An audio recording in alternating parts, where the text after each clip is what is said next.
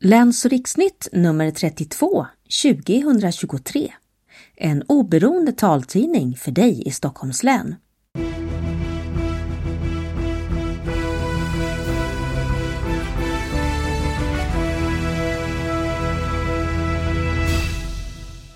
Hej och välkommen till Läns och riksnytt nummer 32 2023. Utgivningsdag är onsdagen den 11 oktober då i appen och på webben. Och du som får tidningen hem i brevlådan, du får den några dagar senare. Jag heter Assissa Dawadi och jag vill börja med att säga att vi nästa vecka har ett uppehåll så då kommer det ingen tidning utan vi är tillbaka onsdagen den 25 oktober. Men välkommen till detta nummer! Inslag 1 handlar om Israel-Palestina på kartan. Hur hänger det ihop? Var ligger Gaza och Västbanken i förhållande till varandra och var börjar Israel? Hur ser det ut i geografin kring ett historiskt konfliktområde där dödstalen nu tyvärr stiger kraftigt igen? Vi reder ut. Inslag 2. Telegram. Om att Region Stockholm höjer skatten och avgifterna i vården samt priset på SL-kortet. Sveriges Television måste skära ner och live-textningen är ett område som kan drabbas. Synskadad jurist anmäler Domstolsverket för diskriminering.